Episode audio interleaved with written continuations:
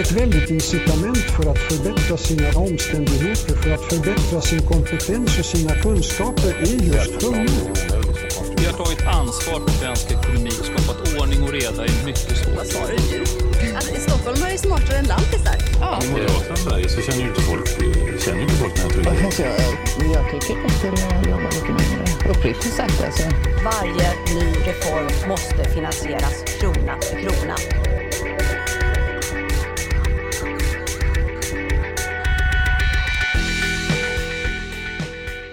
Hej och varmt välkommen till Folkhemsradion, Linda Larsson. Tack så mycket.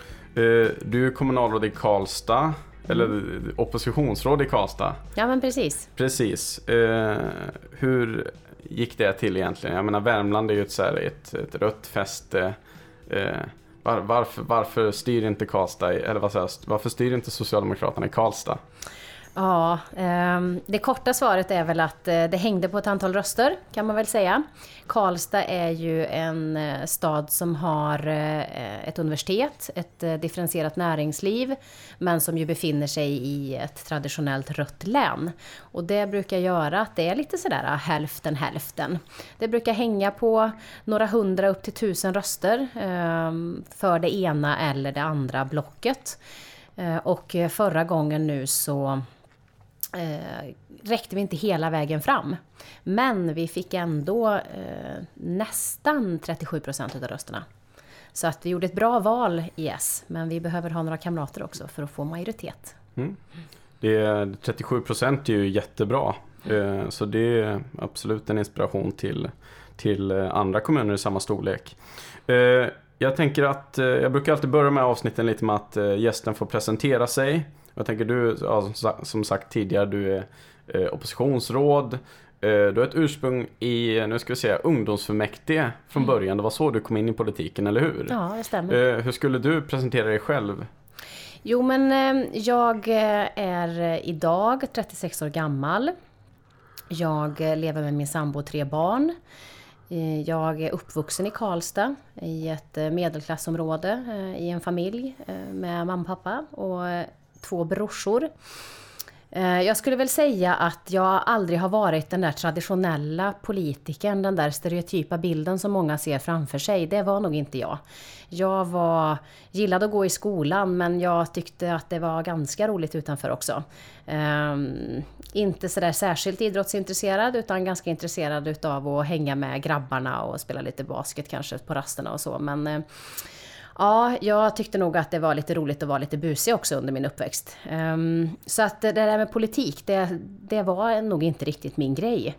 Men eh, sen, eh, jag tror om jag minns rätt att det var en eh, klasskamrat faktiskt som anmälde mig till en en kurs om elevers rättigheter och skyldigheter i skolan. Ehm, och när jag fick reda på att jag var anmäld för den där kursen så blev jag faktiskt rätt irriterad. För jag hade ju sett framför mig en helg med festival och ja, kanske komma hem sent på kvällen och hänga med mina kompisar och sådär. Ehm, men det visade sig att jag kunde inte dra mig ur. För att eh, rektorn hade redan fått nys om att jag var anmäld. Och då vågade jag inte riktigt. Även om jag var lite sådär rebellisk när jag var liten så... Ja, rektorn var ju ändå rektorn och jag var nog inte mer än 13 då. Så jag gick väl på den där utbildningen ehm, och ehm, förstod väl egentligen inte först vad poängen var. Ehm, men sen när jag fick reda på att man kan påverka ganska mycket i sin skolsituation. Inte bara kanske sådär mat som man närmast tänker på om man hade hört om något matråd eller så, elevråd. Men jag insåg att det var ganska mycket saker som man eh, faktiskt kunde vara med och bestämma över. Och då väcktes väl lite grann intresset. Eh, Kanske inte för att eh, göra saker sådär mycket bättre utan det var nog egentligen bara för att man kunde. Jag har alltid tyckt om att eh, ha den här känslan av makt, att kunna förändra någonting. Eh, så att, eh, ja, jag bestämde mig för att jag kunde väl vara med i det där elevrådet då. Och på den vägen är det. Det blev elevråd på eh, grundskolan, det blev eh, gymnasie engagemang via elevkåren. Och sen bestämde sig Karlstad för att göra en ganska stor satsning för att förbättra för ungdomar i Karlstad. Så man startade ett eh, ungdomsfullmäktige som skulle hantera alla möjliga olika frågor, hur Karlstad kan bli en bättre stad för ungdomar. Och där blev jag en av de första ordförandena. Eh, och då hade jag väl på något sätt börjat förstå att jo men jag var nog ganska bra på det här ändå. Eh, jag tyckte att det var kul att föra Eh, frågorna framåt och jag förstod att väldigt många i min omgivning inte alltid tyckte att det var så självklart att säga sitt hjärtas mening. Och jag hade aldrig något problem med att säga vad jag tyckte inför eh, auktoriteter eller eh, ja, politiker eller andra beslutsfattare. Så jag tyckte att det var en ganska bekväm situation för mig att föra andras talan. Och därför så fortsatte jag helt enkelt. Men ehm, ja, sen blev jag äldre Eh, och började läsa på universitetet. Eh, hoppade på politisk magisterexamen eftersom jag då vid den här tidpunkten hade ett ganska stort samhällsengagemang. Och då kände jag väl att det kanske var dags att sluta med ungdomsfullmäktige som ju faktiskt var partipolitiskt obundet.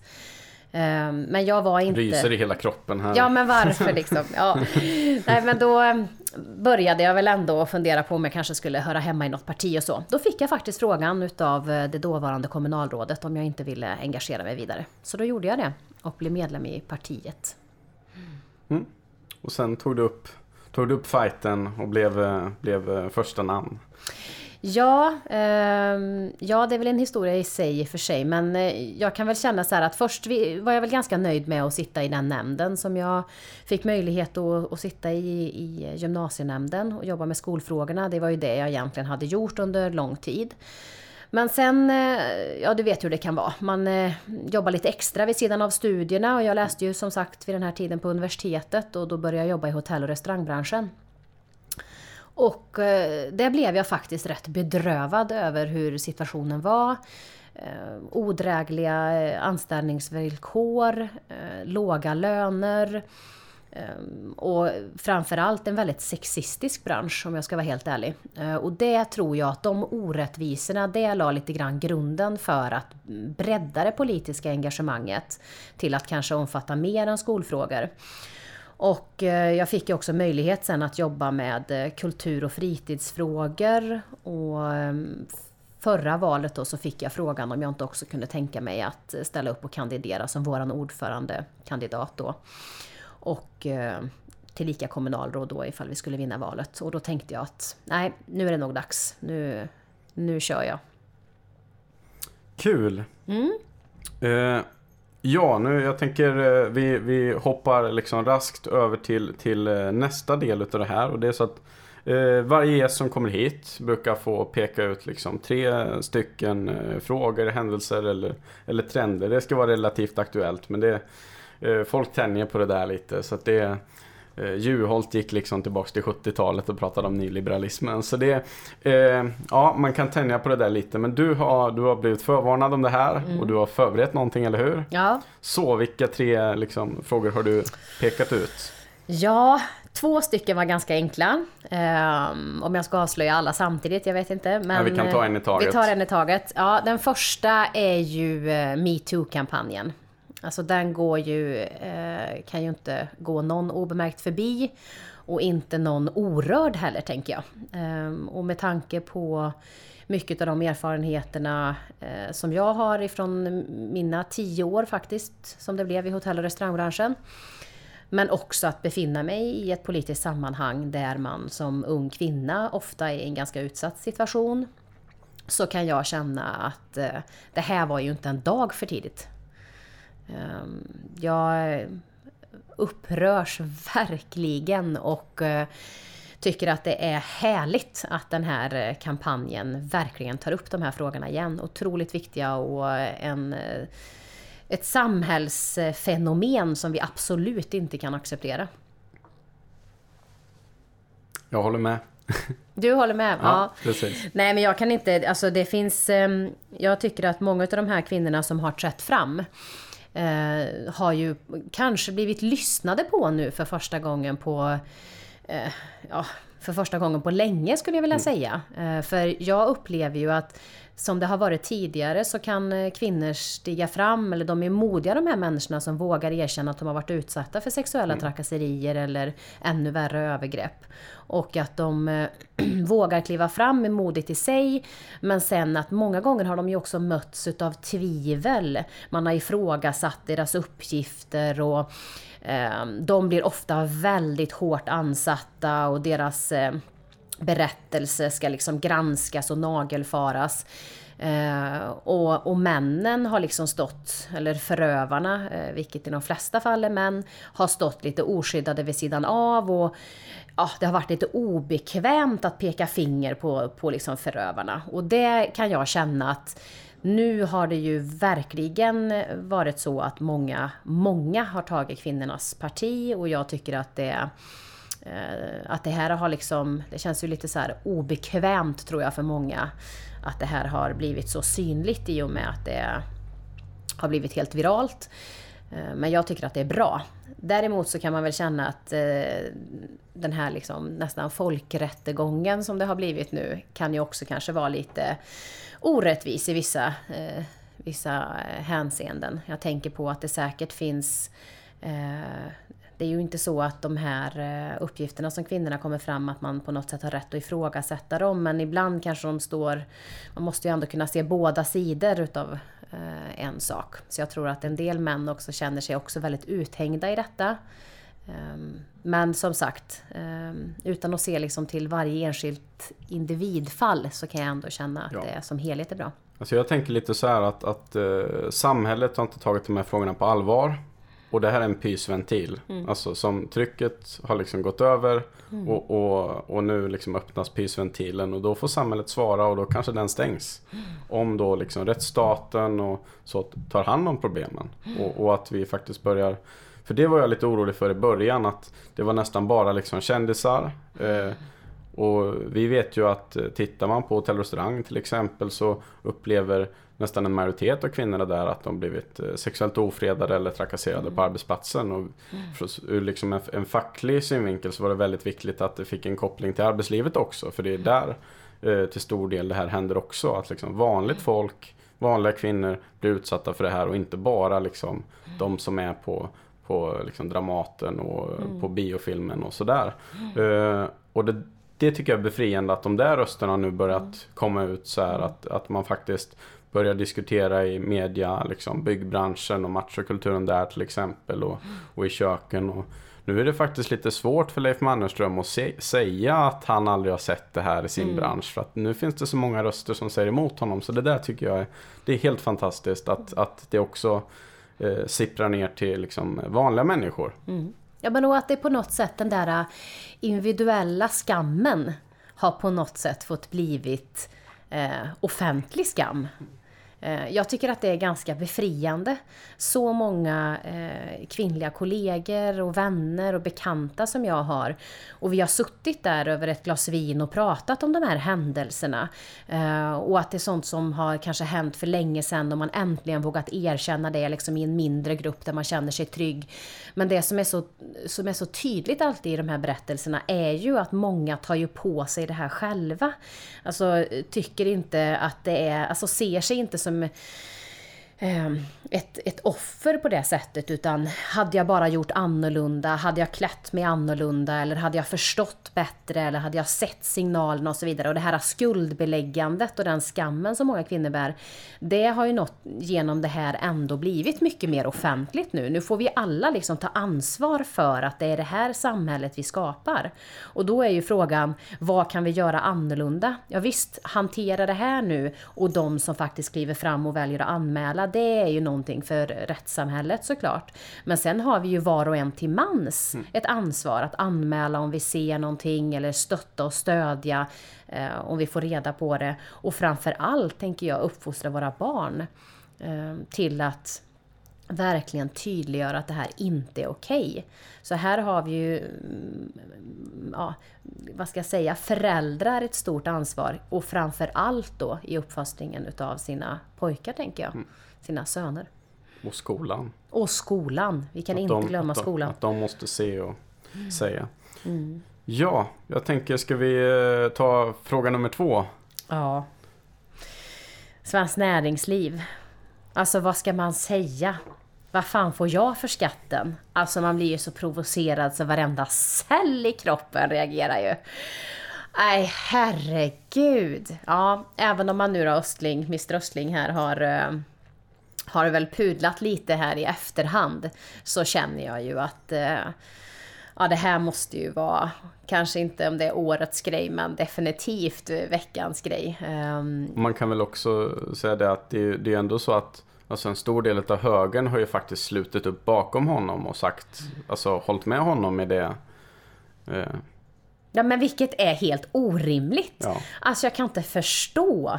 Alltså för det första så tänker jag att eh, när vi ser på Sverige i ett internationellt perspektiv. När vi, vi kanske inte alltid toppar alla listor men vi är ju bra högt upp i rankingar när det gäller jämställdhet, jämlikhet, inkomst eh, nivåer, hälsotillstånd, utbildningsnivåer och så vidare och så vidare. Och det är klart att de flesta är ju ändå överens om vad det beror på, nämligen att vi har en generell välfärd som betalas utav relativt höga skatter. Eh, och då är det ju fullständigt obegripligt hur en utav liksom, frontfigurerna eh, för liksom eh, eh, arbetsmarknadens parter eh, ändå går ut och säger vad fan får jag för skatten?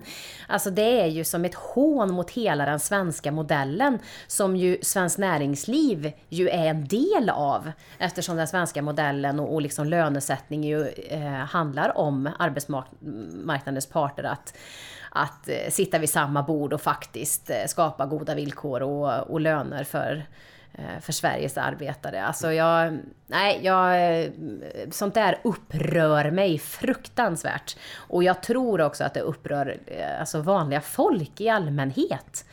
Ehm, för det är då man känner det här, ja okej, okay. om det finns en del då som är ganska välbeställda, tycker att man inte får något för skatten, väljer att placera sina pengar i skatteparadis och vi har hört om paradisläckan och annat nu. Ehm, alltså jag kan känna att ehm, nej, Alltså skämmes kar, tycker jag. Det är, det en liten anekdot. Jag, jag gick ju projektutbildnings, eller projektledarutbildning förra veckan och då fick vi uppdrag att så starta ett teoretiskt projekt. Och då gjorde vi en liten så karikatyr på Leif Östling och, och så här, eh, eh, tänkte att så här, så här, LO skulle kunna starta ett bolag som skatteplanerade åt vanligt folk. Mm. Gud vad roligt! ja, det skulle bli en, eh, ja vi får se. Det är kanske någon på LO som snor den här kampanjen nu. Ja men det tycker jag. Gud det vore ju skitbra. Mm. Att ni gör det, ja, de kanske inte ska sno er en idé men om den blir av skulle ju vara väldigt bra i alla fall tycker jag. Uh, nej men alltså det sätter ju... Uh, men det, alltså ändå händelsen som sådan gör ju jag tänker att det, det, lyfter ändå en del viktiga frågor. För det kanske ändå är en och annan som funderar på vad man får för skatten. Alltså såklart. Och där tänker jag att vi som politiker också har en roll att förklara. Att eh, skattekronorna används på ett effektivt sätt. Och vi skulle inte ta ut mer skatt än vad verksamheten behöver. Och att vi ständigt har ett tryck på oss att vara transparenta och öppna. Och att vi försöker att effektivisera våra verksamheter. Och göra så bra som vi bara kan. I mitt uppdrag då så bra jag kan för Karlstadbornas bästa. Mm. Och där har vi ju ett, eh, ett, en ganska stor utmaning tror jag att faktiskt visa vad vi gör för eh, skattemedlen. Ehm, men sen så tror jag också att det handlar om att eh, inte bara kanske visa men också kanske vad ska jag säga, tydliggöra vad, vad ett relativt skattetryck, alltså högt skattetryck gör liksom på tid, alltså på sikt. För att i, det känns ju som att det i perioder kan vara så att man har större förståelse för att man mm, betalar en, eh, en skatt. Eh, när man känner att man själv utnyttjar systemet eller så att säga använder sig av välfärden, då kanske man också har en större förståelse. Man kan ju ibland se på, i sociala medier att man säger att nu har jag varit och fött barn och vad bra att skatten finansierar en bra förlossningsvård eller åh vad bra mina barns eh, förskola är och tur att den är skattefinansierad och subventionerad till 90% och så vidare. Medan man i perioder av livet då, kanske som eh, Leif Östling, vad vet jag, inte tycker att han utnyttjar det så mycket. Mm. Ja, då behöver man ändå förstå att det handlar om att bygga en, en stark generell välfärd som håller hela livet och att ibland betalar man mer än vad man får. Och att det är det som också är en hörnsten, alltså det solidariska tänkandet. Ibland kanske jag betalar mer än vad jag får ut, men på sikt så bygger det ändå ett bra samhälle. Så ja, det kanske var något bra med att han uttryckte sig på det här sättet. Det blev ju i alla fall en diskussion om, om välfärdsfrågorna, tänker jag. Ja, precis. Sen så, jag har ju sett eh, ganska mycket eh, liksom vanliga människor på Facebook och sådär som har hållit med honom tyvärr också. Så det finns ju många som, som eh, inte, eller ja, det pratade ju du om egentligen att, att liksom, det är inte alla liksom, gånger i livet som man Nej. faktiskt utnyttjar systemen. Och Nej. då kanske man ställer sig frågan. Men sen tänker jag också att, att det är många som inte Alltså inte... Det är, inte, det är många som inte upplever att det är så stora skillnader mellan till exempel då socialdemokratisk och moderat politik. Och jag kan ju säga många gånger när jag träffar medborgare och pratar om eh, skillnaderna och så säger jag att jo men Moderaterna tror ändå på ett samhälle där man har lägre skatter och då tror man att det ska liksom ge fler företag och mer liksom inkomster och så vidare. Eh, och att det ska liksom öka sysselsättningen och tillväxten och att det på sikt ger en bättre välfärd. Och så kan man ändå säga då att under de här åren som eh, regeringen Reinfeldt satt eh, så såg vi ju inte de effekterna utav den borgerliga politiken. Men då är det liksom på något sätt så väldigt enkelt att säga nej men det var finanskris. Och då Ja, är det det som är precis. liksom ursäkten för hela det här liksom sjoket åtta år eh, Reinfeldt. Ehm, och, och det kan jag ju känna att det är ju jättesvårt att förklara då. om, man, om, man liksom klar, om man tycker att nej men jag är nöjd med att det var finanskris då, det var därför som det blev så dålig politik eller så dåliga resultat av politiken under åtta år. Ja då är det ju svårt att komma fram där. Medan jag ju då kan tycka nu, ja nu har ju Socialdemokraterna tillsammans med Miljöpartiet suttit i snart en mandatperiod och vi ser att vi har nästan den lägsta arbetslösheten i EU, vi ser att vi har den högsta sysselsättningen, vi ser att det har aldrig varit så låg ungdomsarbetslöshet som det är nu. Många kommer i jobb, även de som faktiskt inte har helt klar eh, utbildning. Och vi ser att det även rör sig i grupper som tidigare haft jättesvårt att komma in på arbetsmarknaden, till exempel utlandsfödda. Precis. Men då är det liksom på något sätt, då är det för att det är högkonjunktur nu. Då, då är liksom det. Så att ibland så undrar jag lite grann kring medborgares tro på politikens kraft att förändra. Eh, Om man kanske, och vad det beror på det vet jag faktiskt inte. Men jag brukar tänka på det ibland för att om man ändå bara tror att det är konjunkturerna som avgör om saker och ting är bra. Får man rösta på ett parti som har tur? Då får man ju rösta på ett parti som har tur. ja, ja men eller, eller ja, jag vet inte. Socialdemokraterna brukar ha tur, så det, det är ganska tacksamt över vårt eh, partival. Så. Ja men precis. Eh, ja, jag tänkte, ska vi gå vidare? Jag kan, vi, vi kan ju spinna vidare på det här ämnet liksom resten av, av dagen om vi vill det känner jag. Ja. Men, eh, Vi går vidare. ja, Mm. Sista. Där hade jag jättesvårt att välja. För jag vet inte hur känt det här är nu då eh, i Sverige. Men eh, det handlar om den vita älgen. ja, Ja, perfekt. den vita älgen. Jag tror, jag eh, tror ändå så här att det är nog en del folk som har sett det där. Ja men det kanske är det. Och jag tänker så här, ja den här vita älgen nu då som hade visat sig för en kvinna med två hundar. Hundarna hade blivit lite skrämda och älgen också tror jag. Eh, Och hundarna hade då dragit ikull den här kvinnan som hade skadat sig och man beslutade då om skyddsjakt eftersom den här älgen då visade lite aggressiva beteenden. Och på väldigt kort tid, ja det var nog mindre än en vecka vad jag förstod, så hade ju en protester kommit in. 13 000 människor hade eh, skrivit under en namninsamling för att rädda den här vita älgen. Och Edas kommunalråd, Hans Nilsson, skulle ut i skogen och vara mänsklig sköld eh, till den här älgen. Nu är ju älgen räddad. Eh, Det, den ska inte skjutas och det var väl bra så. Men, Jag vill bara tillägga en sak här också. Ja. Det jag tyckte var coolt, det var ju att många jaktlag gick ut och sa att de vägrade skjuta älgen dessutom. Ja. Det var lite otippat. ja men det var lite otippat. Eh, och eh, jag har ju också hört nu då, eftersom den här skyddsjakten är avblåst och det har ju, vi har ju sett vittnesmål nu om att älgen lever så att den har klarat sig. Och det är ju jättebra, tänker jag. Men jag kan ändå bara inte låta bli att dra en parallell. Eh, en av mina politiska kollegor på Facebook som lyfte den här frågan. Tänk så många människor som på kort tid engagerar sig för den här vita älgen och till och med ett kommunalråd som ska vara mänsklig sköld. Och samtidigt så utvisar vi alla dessa afghanska barn. Ehm, och då blir ju helt plötsligt den här nyheten som är lite skojigt inslag i, den här podden, får ju nu lite så här allvar, allvarligare sida. Och eh, jag vet inte vad jag ska säga om det. Alltså är det enklare med så här engagemang för en vit älg då, än vad det är för afghanska barn som ska utvisas till ett land där de inte någonsin har satt sin fot.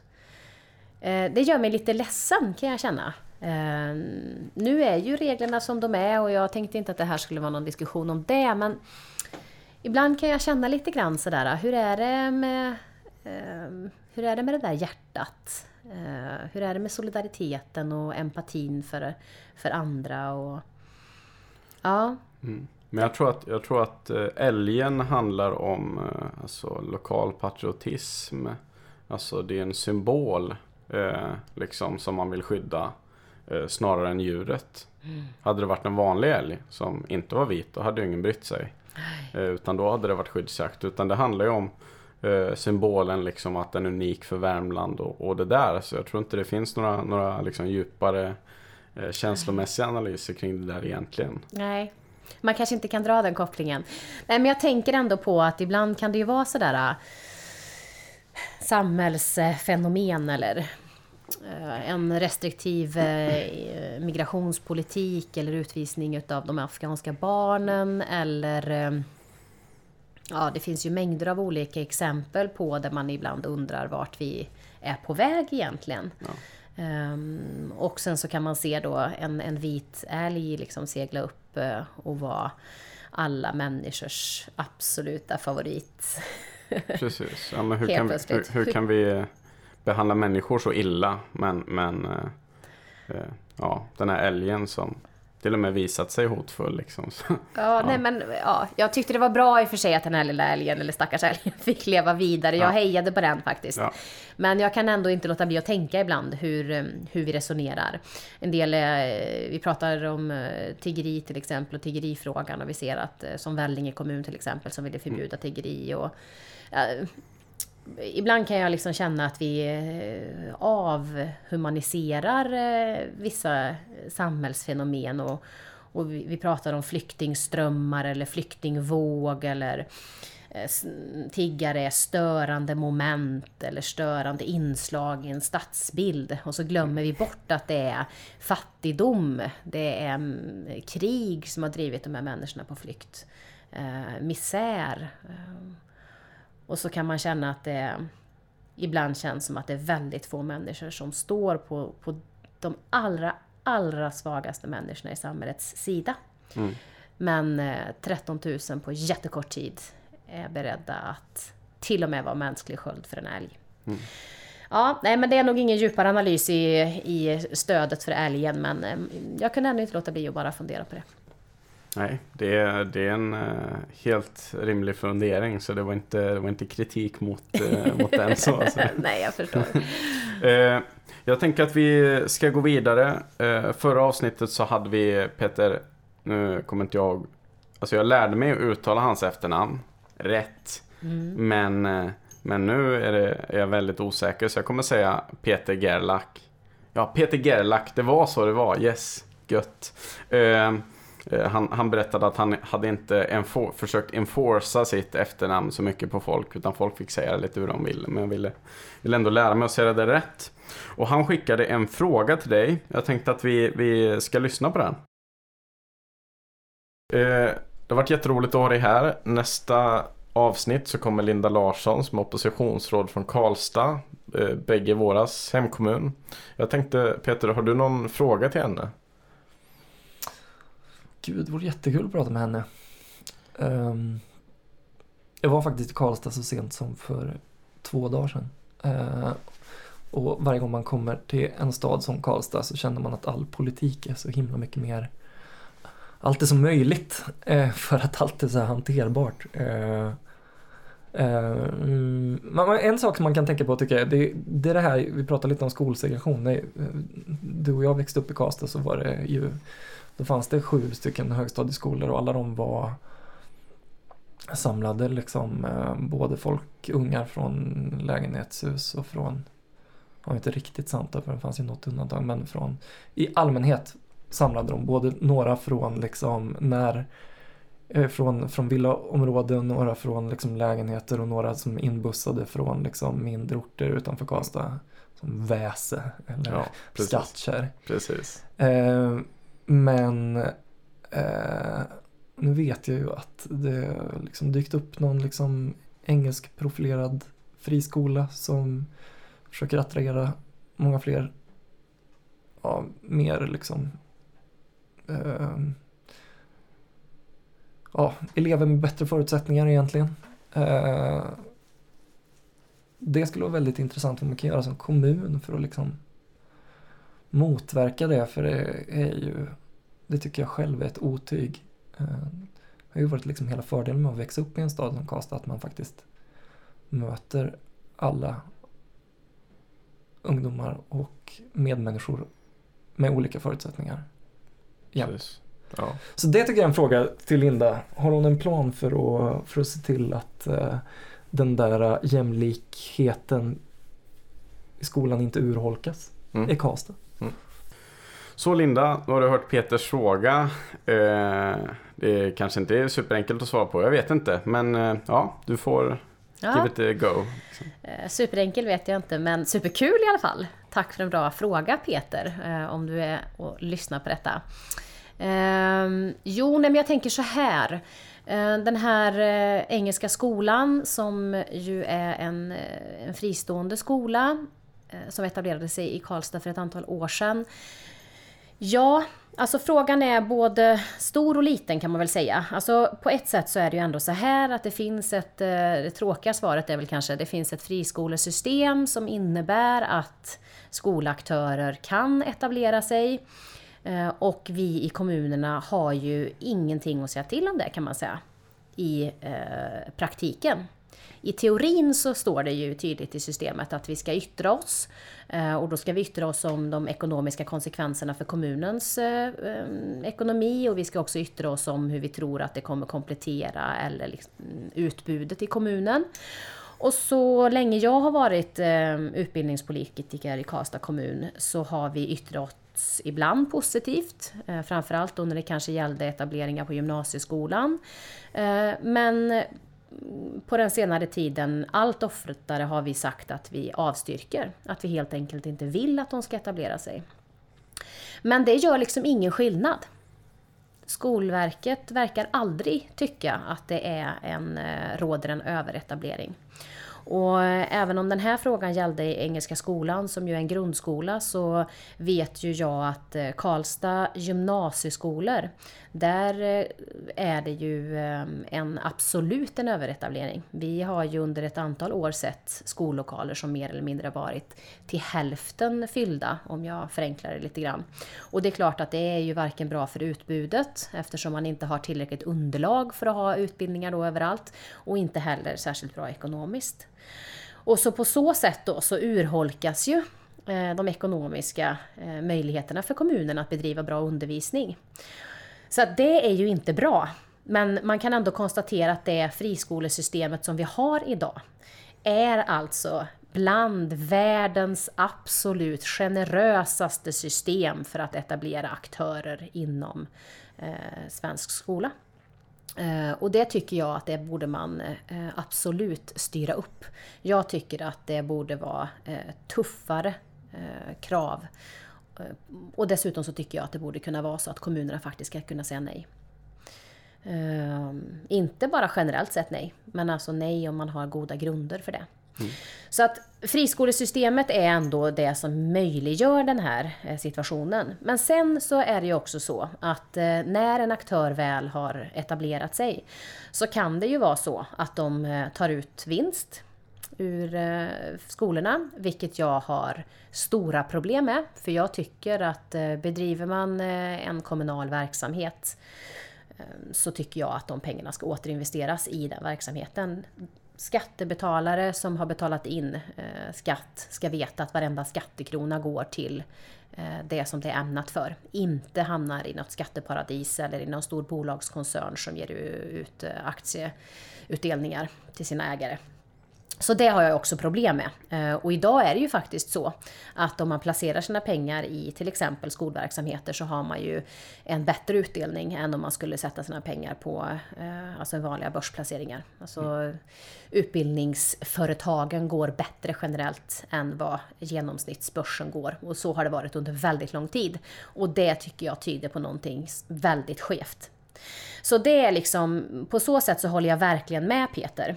Det som jag kan känna eh, blir en svårighet, det är när både elever och lärare tycker att det här är en fantastiskt bra skola.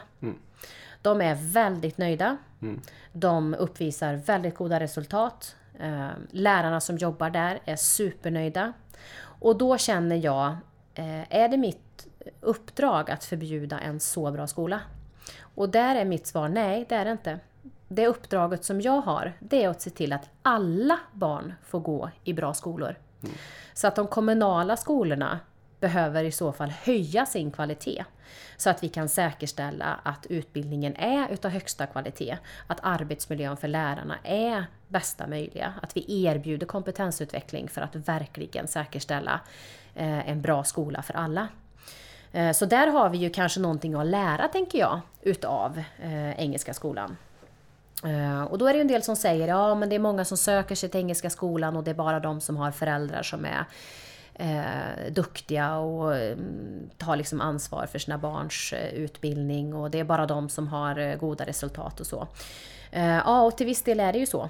Eh, nu finns det ju lagstiftning som säger att eh, fristående skolor inte får diskriminera. Tidigare har det ju varit så att en del har stängt ute de som har svårigheter att klara sig. Det får man ju inte längre göra.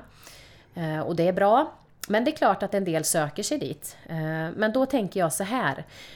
Eh, Hur motverkar vi skolsegregation?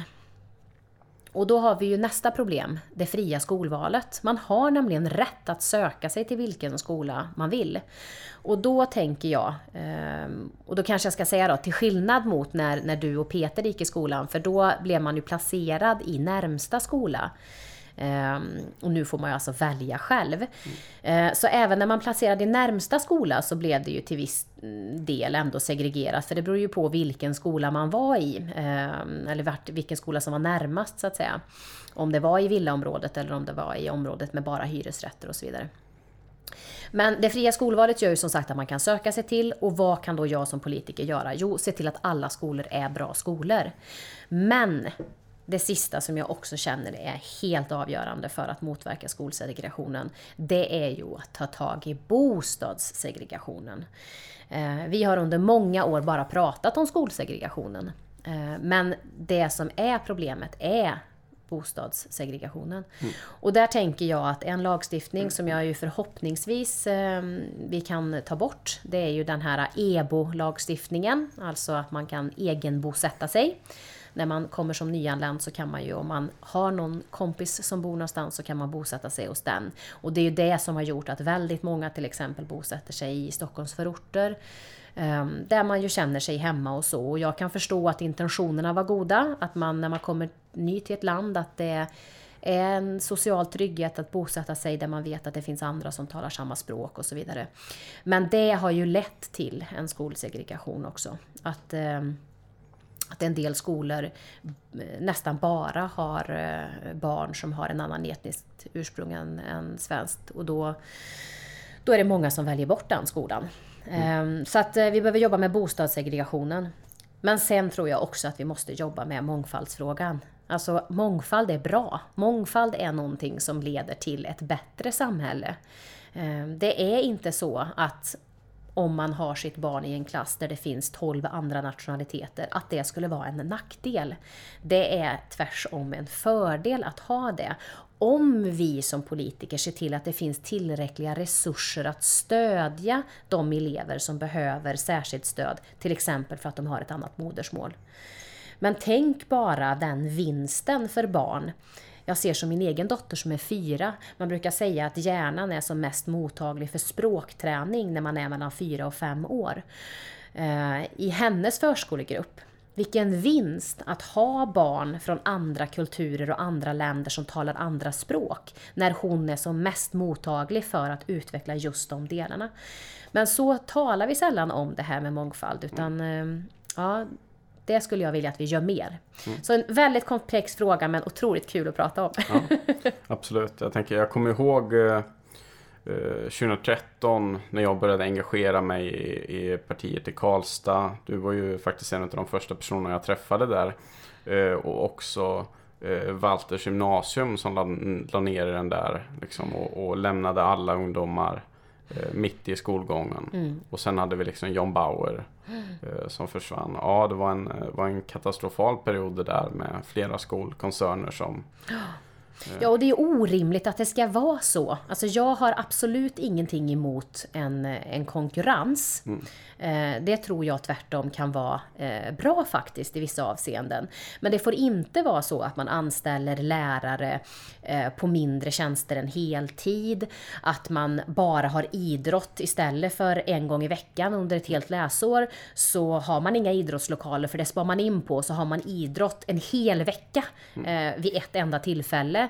Eller att man inte har egna bibliotek utan använder då liksom det gemensamt finansierade stadsbiblioteket för läromedel. Eller att man har alldeles för mycket egenarbete för att spara in både på lärarresurser och lokaler. Eller att man inte skulle ha egen elevhälsa. Alltså exemplen är ju mm. otaliga där många privata aktörer verkligen inte har skött sig. Och det tycker jag att det ska vi verkligen sätta fingret på, för så får det inte vara, för det drabbar ju eleven. Eleven vill ju bara gå i en bra skola och har ju rätt till en bra utbildning, oavsett driftsform. Ehm, men vi måste också, på samma sätt som vi sätter fingret på aktörer inom privata verksamheter som inte sköter sig, också vara noga med att hålla kvaliteten på de kommunala skolorna. Mm. Eh, nu har vi pratat här en del om, om liksom, eh, skolan i Karlstad och sådär. Eh, vi har ju ett val som kommer nästa år. Eh, alltså vad, vad är egentligen så här, kommunsektorns valvinnare? Vad tror du kommer diskuteras på kommunal nivå men vad, vad behöver också liksom regeringen kunna göra för att, för att liksom kommunerna ska kunna gå bra nästa mandatperiod?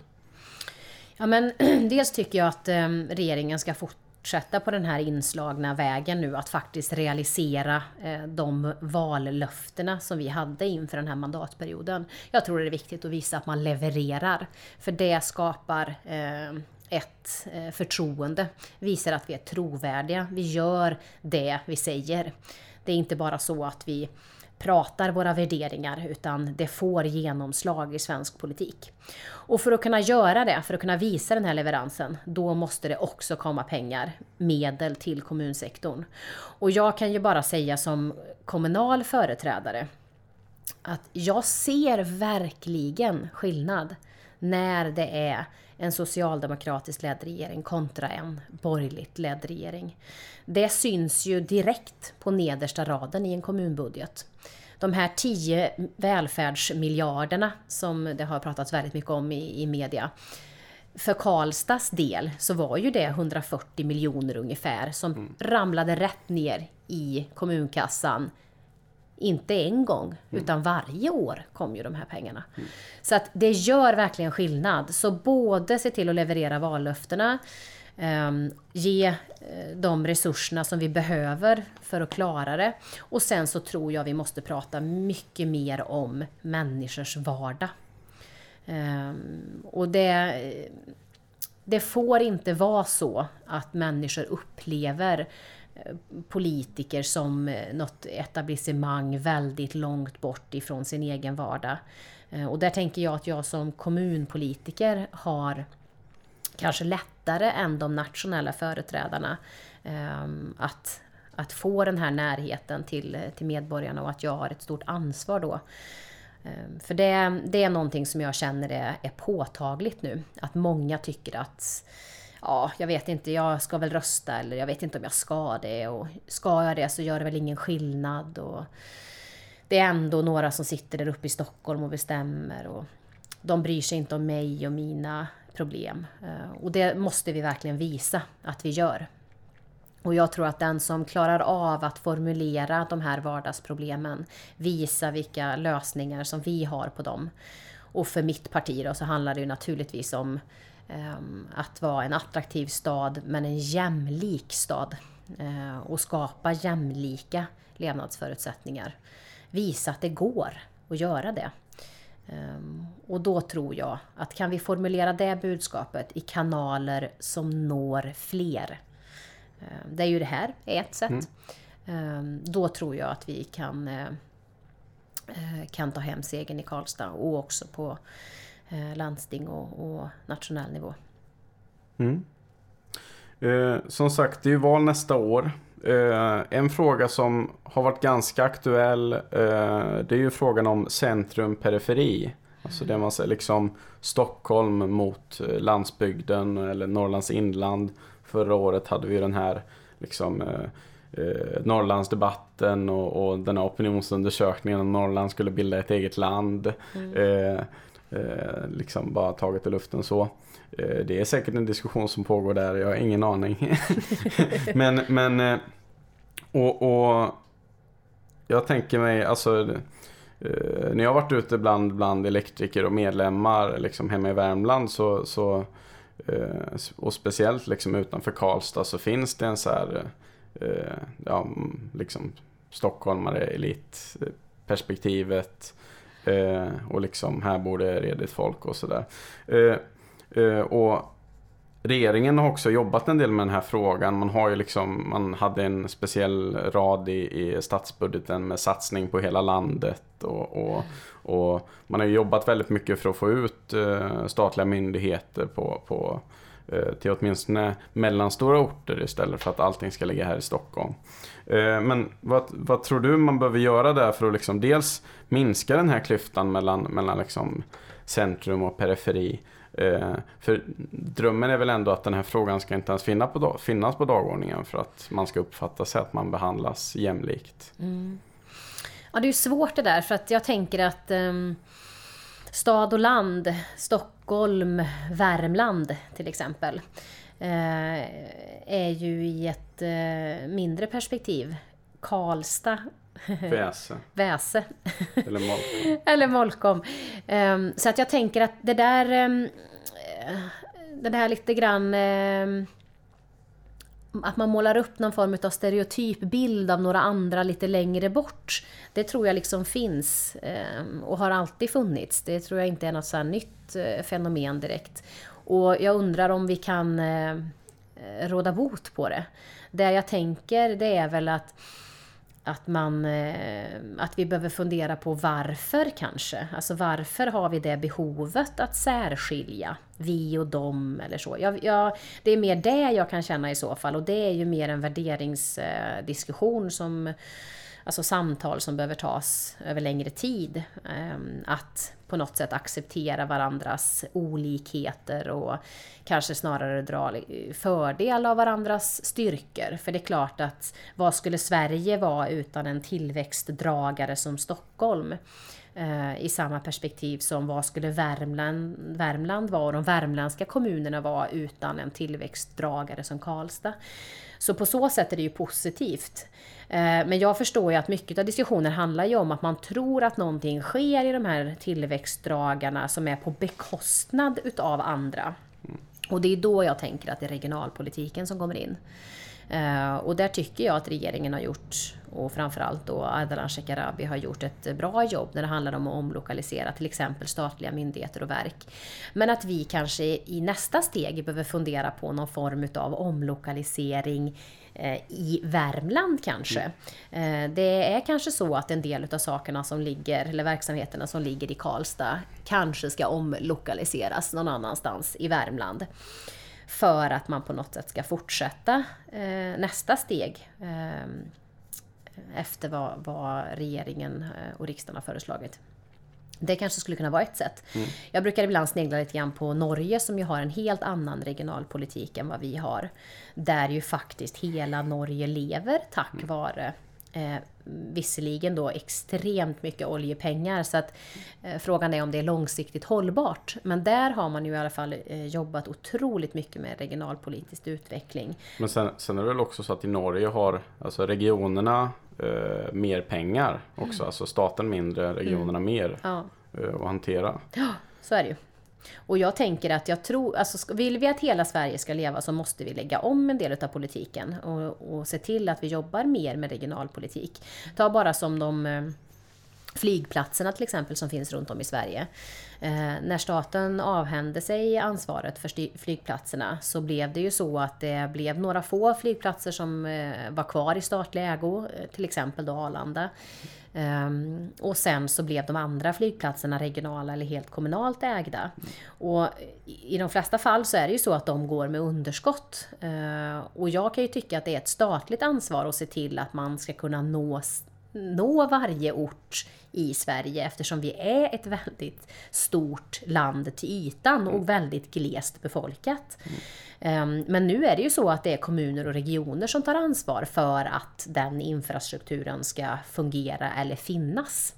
Medan då eh, staten tar in stora vinster på flyget, eh, till exempel då Arlanda och mycket utav vinsten som Arlanda gör beror på att det är de regionala och kommunala flygplatserna som har matat in trafik dit. För de flesta Precis. planen går ju då Karlstad, Stockholm och sen går det kanske då ja, Arlanda ut Mm. Så att jag kan ju tycka att det fortfarande finns en del saker att jobba med där. Att eh, kanske se till att jobba mer med den regionala utvecklingen.